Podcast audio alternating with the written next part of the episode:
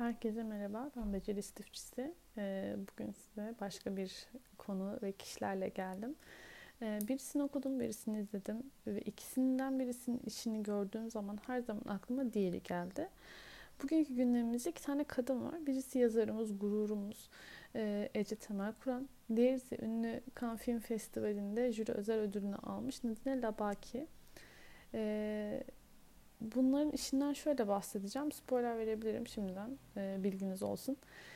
E, Nadina'nın e, Peki Şimdi Nereye diye bir filmi var. Hmm, filmi izlerken aklıma Düğümleri Üfleyen Kadınlar kitabı geldi. Belki ikisinin topraklarında benzer aynı olmasından kaynaklanıyordur. Kültürlerin aynı olmasından kaynaklanıyordur. E, ama anlatmaya çalıştığı kadın hikayelerinin kalbime dokunuşundan e, bahsedeceğim biraz.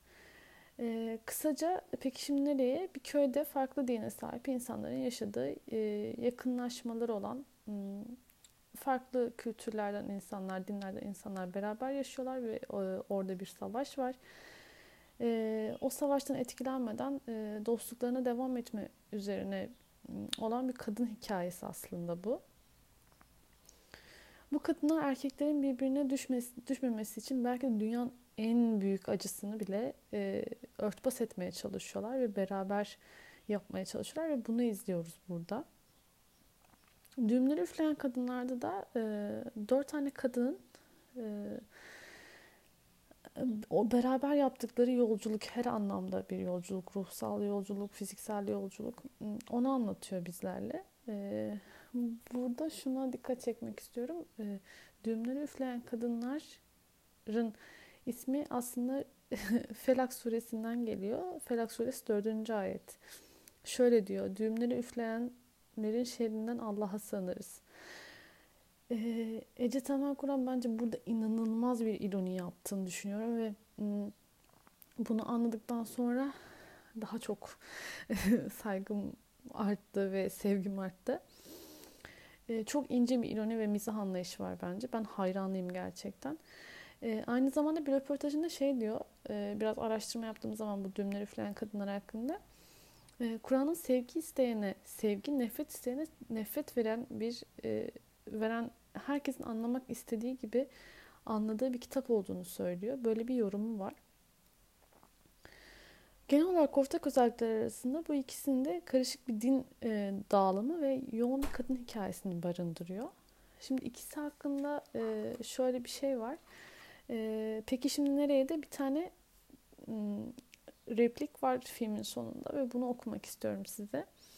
Sonra düğümleri üfleyen kadınlardan birkaç parça okuyacağım. Sonra ikinci birbirlerini e, şiplediğim konuya geçeceğim. Peki şimdi nereye de şöyle bir diyalog var. Daha doğrusu replik var.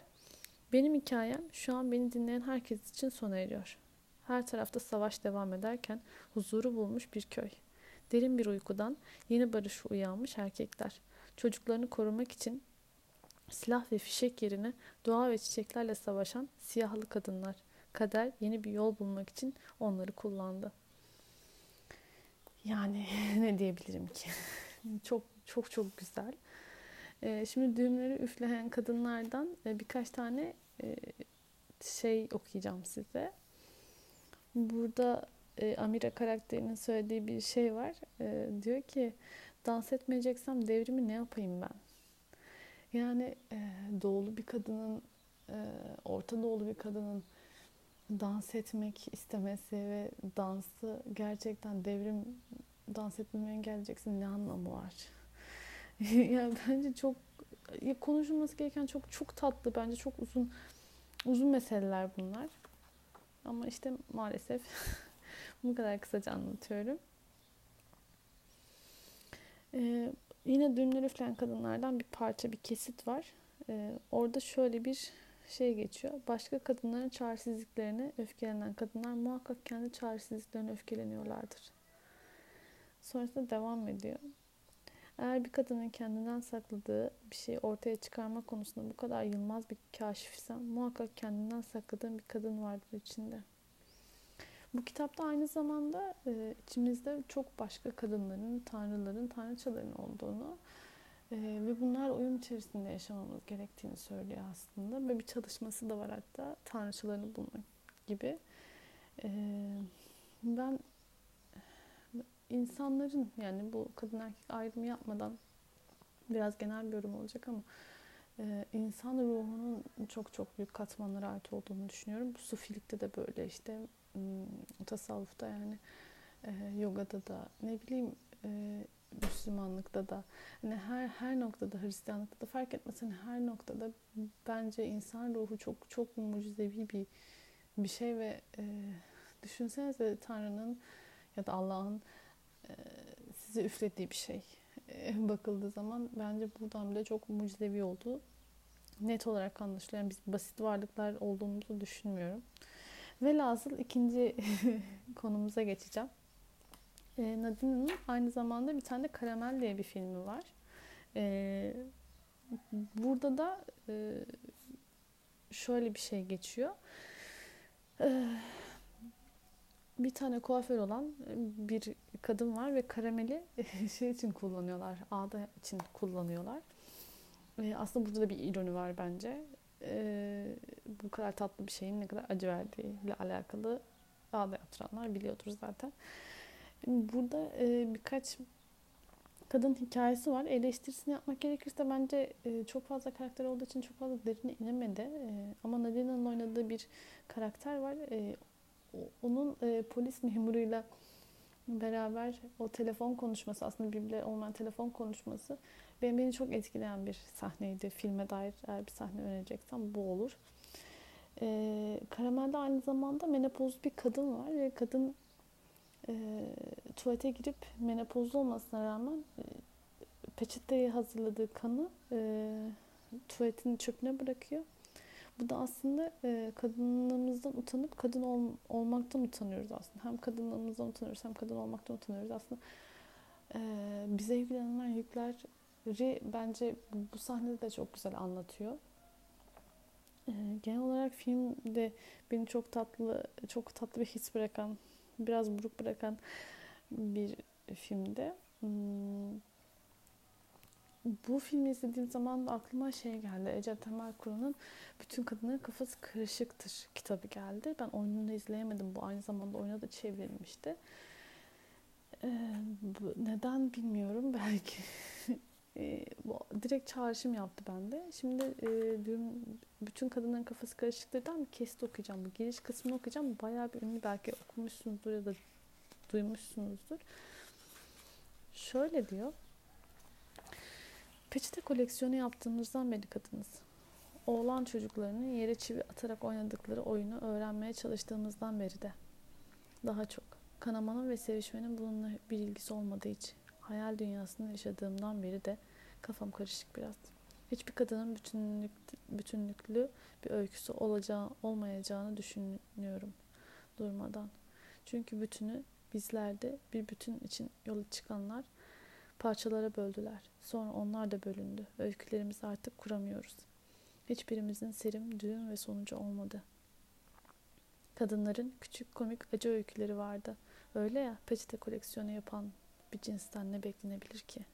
Sizce kaç erkek biliyordur kadınların küçükken peçete koleksiyonu yaptığını? Bu son cümle beni mıhlamıştı. gerçekten bunu anlayabilecek birileri var mı gerçekten? Peçete koleksiyonu yaptığımızı. O renkli peçeteleri görünce ne kadar veya farklı peçeteleri görünce ne kadar sevindiğimizi, heyecanlandığımızı anlayabilecek birileri. Neyse. Ee, kitaptan çok altın çizdiğim yer var. Hmm, sadece iki yer daha okuyacağım. Burada şey diyor. İnsanlar bu kadar faturaların arasında nasıl şarkı söyleyebilir ki? Şu anki ekonomik duruma da biraz atıfta bulunmuyor mu sizce de? Neyse. Şurayı da çok seviyorum. Bu da son paylaşımım olacak. Ellerimi cebime sokmalıyım bazen. Cepsiz şeylere dayanamam. İnsan elleri nereye koyacağını şaşırıyor. Şaşırdıkça ellerimiz çoğalır. Dikkat edin bir kez. Mutlaka çoğalır. Ee, bence Ece inanılmaz bir gözlemci. Ee, çünkü gözleminden ziyade aslında kendini gözlemleyen birisi. Çünkü bu elleri nereye koyamayacağını bilmek ilk önce kendinde gözlemlediğim bir şeydir. Ve sonrasında dışarıda da gözlemlemeye başlarsın. İlk önce bence iyi bir gözlemci olmanın da e, en büyük etkilerinden bir tanesi yani olmanız için en önemli şeylerden bir tanesi şudur. İlk önce kendinizi gözlemleyebiliyor olmanız gerekiyor. Kendinize dürüst olduğunuz zaman o zaman işte çevredeki insanlara dürüst bakabiliyorsunuz. Yalın bakabiliyorsunuz. Objektif olabiliyorsunuz.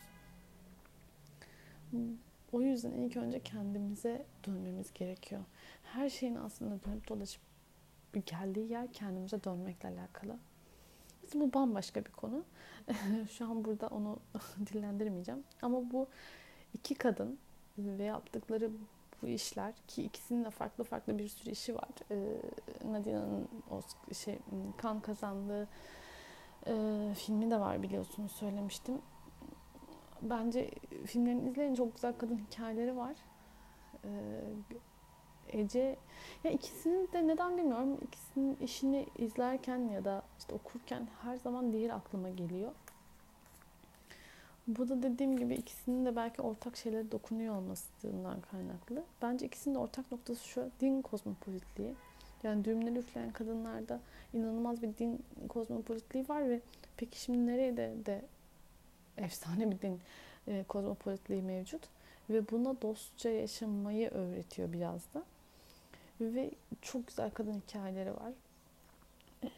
Kadın hikayeleri izlemeye ben şahsen çok bayılıyorum. Belki siz sevmeyebilirsiniz bilmiyorum ama e, o her kadında bir, bir tık kendimi gördüğüm için belki de ya da çevremden birilerini gördüğüm için gerçek karakterler olduklarını bildiğim için olabilir. E, genel olarak böyle. Hmm. İkisinden okumadıysanız ve izlemediyseniz mutlaka mutlaka izleyin. Artı bonus bilgi Ece Temel Kur'an'ın e, erkek kardeşiydi yanılmıyorsam. E, normalde İzmirliler bu arada. Ece Temel Kur'an erkek kardeşi de Bornova Bornova diye bir filmi var. E, bonus bilgi olarak sizde bulunsun. E, ve Ece Temel Kur'an şu anda e, bildiğim hatırladığım kadarıyla Bulgaristan'da yaşıyordu sanırım. Çok net emin değilim. E, keşke Ece ile bir gün konuşabilsem. çok çok yazdıklarına hayranım. Ve lütfen izlemediyseniz ve okumadıysanız tavsiye ediyorum kesinlikle e, izlemenizi ve okumanızı. Şimdilik bu kadar. Beni dinlediğiniz için çok teşekkür ederim. Başka bir podcast'te görüşmek üzere.